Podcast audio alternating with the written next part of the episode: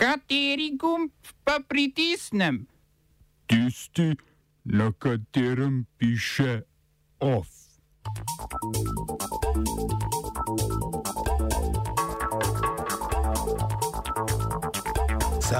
Boglonej.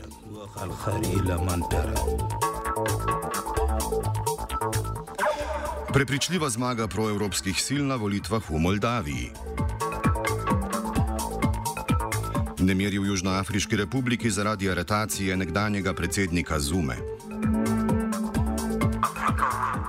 Zakon o vodah z več kot 86 odstotki glasov proti zavrnjen na referendumu.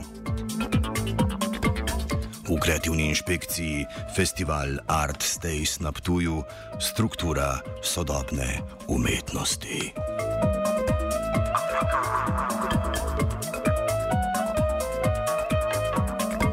خلق خير إلى من جارك وخلق خير إلى من جارك Na predčasnih parlamentarnih volitvah v Moldaviji je prepričljivo zmago dosegla stranka predsednice države Maje Sandu, stranka akcije in solidarnosti. Osvojila je 52 odstotkov glasov in pol, s tem pa udobno večino v parlamentu z 62 od 101 sedeža. Druga je bila dosedaj največja stranka komunisti in socialisti z 32 sedeži, v parlament pa je prišla zgolj še stranka pobeglega oligarha Ilana Šora, stranka SOR s sedmimi sedeži. Z političnega prizorišča je izginila do sedaj druga največja stranka, Demokratična stranka Moldavije, ki jo je do nedavnega vodil še en oligarh, ki je zaradi kriminalističnega pregona zapustil državo, Vladimir Plahotnjuk.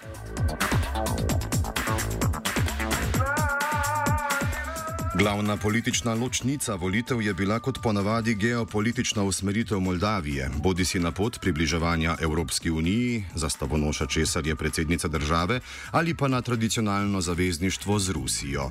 Slednjega predstavlja vodja socialistov Igor Dodon, predhodnik in glavni nasprotnik na predsedniških volitvah Maje Sandu leta 2019, na to pa glavni zaviralec njenega reformnega političnega programa v parlamentu. Kot že na predsedniških volitvah je ključ ključne glasove prispevala moldavska diaspora v evropskih državah, ki je prispevala približno 15 odstotkov vseh glasov, od katerih jih je šlo okoli 90 odstotkov stranki akcije in solidarnosti.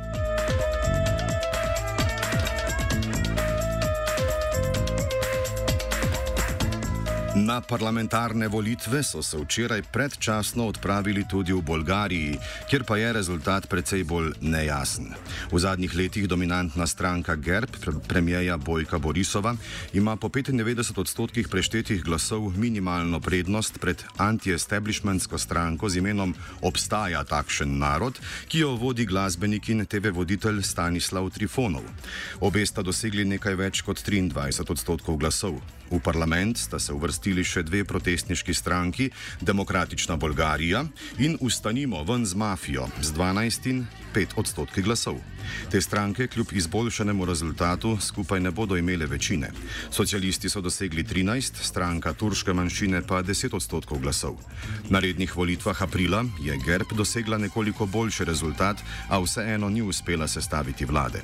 Obstaja takšen narod, je po drugi strani dosegla za 6 odstotkov večji delež glasov. Matematika sestavljanja koalicije je tako po predčasnih volitvah v Bolgariji še bolj zapletena. Parlamentarnim volitvam še ni videti konca. Te so namreč imeli tudi v drugi najbolj poseljeni afriški državi Etiopiji. Po pričakovanjih je veliko večino parlamentarnih sedežev zasedla stranka blaginje trenutnega etiopskega premijeja Abija Ahmeda, kar mu bo zagotovilo drugi mandat leta 2023, ko mu poteče prvi. Opozicijske stranke so doživele hud padec števila sedežev v parlamentu. V predvolilnem obdobju naj bi bilo v Etiopiji zaprtih več opozicijskih slovenskih voditeljev. Kmalo po imenovanju za premijeja leta 2018 je Abi Ahmed sicer odpravil prepoved opozicijskih strank, izpustil tisoče političnih zapornikov in deloval v smeri odprtja etiopskega gospodarstva. Kljub visoki podpori njegovi stranki bo Abi v prihajajočem mandatu pod drobnogledom mednarodne skupnosti zaradi konflikta na območju Tigrajske regije med Etiopijo in tigrajskimi uporniki.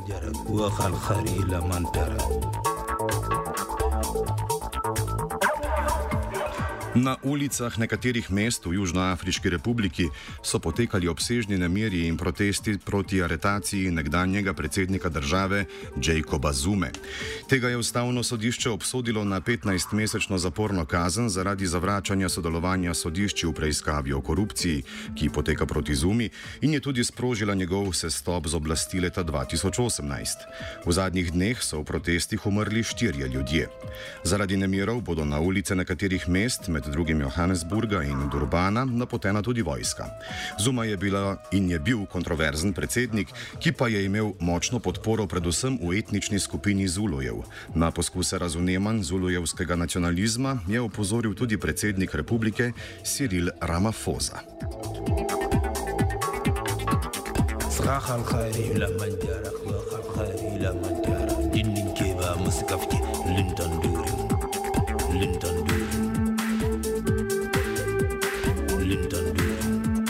Gangnam Style. COVID-19 očitno pušča hujše posledice tudi med najmočnejšimi pripadniki človeške vrste. V Južni Koreji so v okviru COVID-19 omejitev v fitnesih in javnih telovadnicah ponovem prepovedane prehitre pop pesmi za vadbo, saj te prehitro dviganje uteži zaradi prisotnosti COVID-19 lahko ponovem celo preveč utrudi. Tako v seulskih bodybuilding klubih med drugimi ne bo mogoče več slišati priljubljene korejske pop uspešnice Gangnam Style, ki je na radio študent nikoli ne slišite. Oba, če, če bom odgovoril na angliški. Slovenija will try to help. Uh, we can. Slovenija will. Uh, and we will. Do our utmost. To say that the situation is.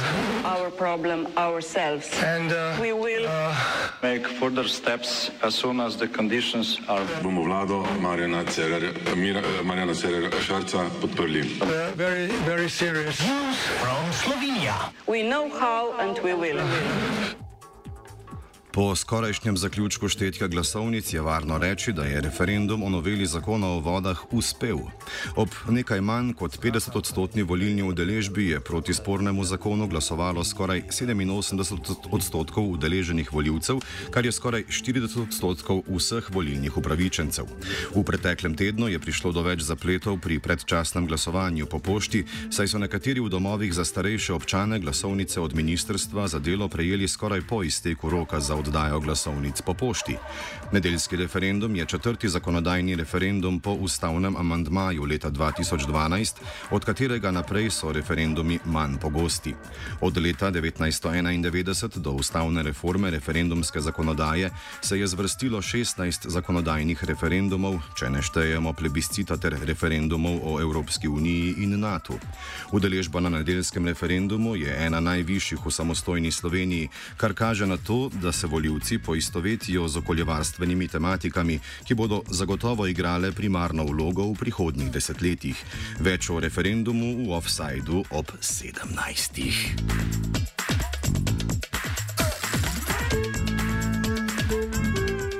Premijer Janez Janša pa je bil konec tedna bolj kot z referendumom zaposlen z organizacijo opozicije v Iranu. Skupaj z evropskima poslancema Francem Bogovičem in Milanom Zverom je nastopil na dogodku Svobodni Iran, ki ga organizira organizacija Ljudski Mojahedini Irana. Ker Iran to smatra za teroristično organizacijo, je Iran na zagovor poklical iransko veleposlanico v Teheranu Kristino Radej. Janša je pozval k preiskavi poboja več tisoč političnih zapornikov v Teheranu leta 1988, ko je bil pomočnik tamkajšnjega toživca novi iranski predsednik Ibrahim Rasani. Ocena o številu ubitih zapornikov se gibajo med 3 in 30 tisoč, večinoma pripadniki ljudskih mođahedinov in komunistične partije. Iran dogodek zanika, od izjav Janše pa se je distanciral tudi visoki evropski predstavnik za zonanjo politiko Jozef Borel, ki je povedal, da izjave Janše ne izražajo politike Evropske unije.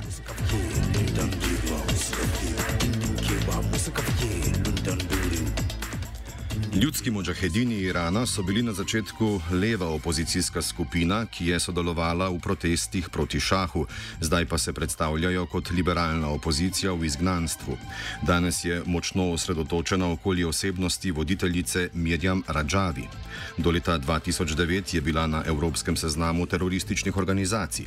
Svoj sedež ima organizacija danes v Albaniji, kamor so se preselili iz Iraka leta 2016, potem ko je to državo zapustila ameriška vojska, ki je njihovim oporiščem zagotavljala zaščito.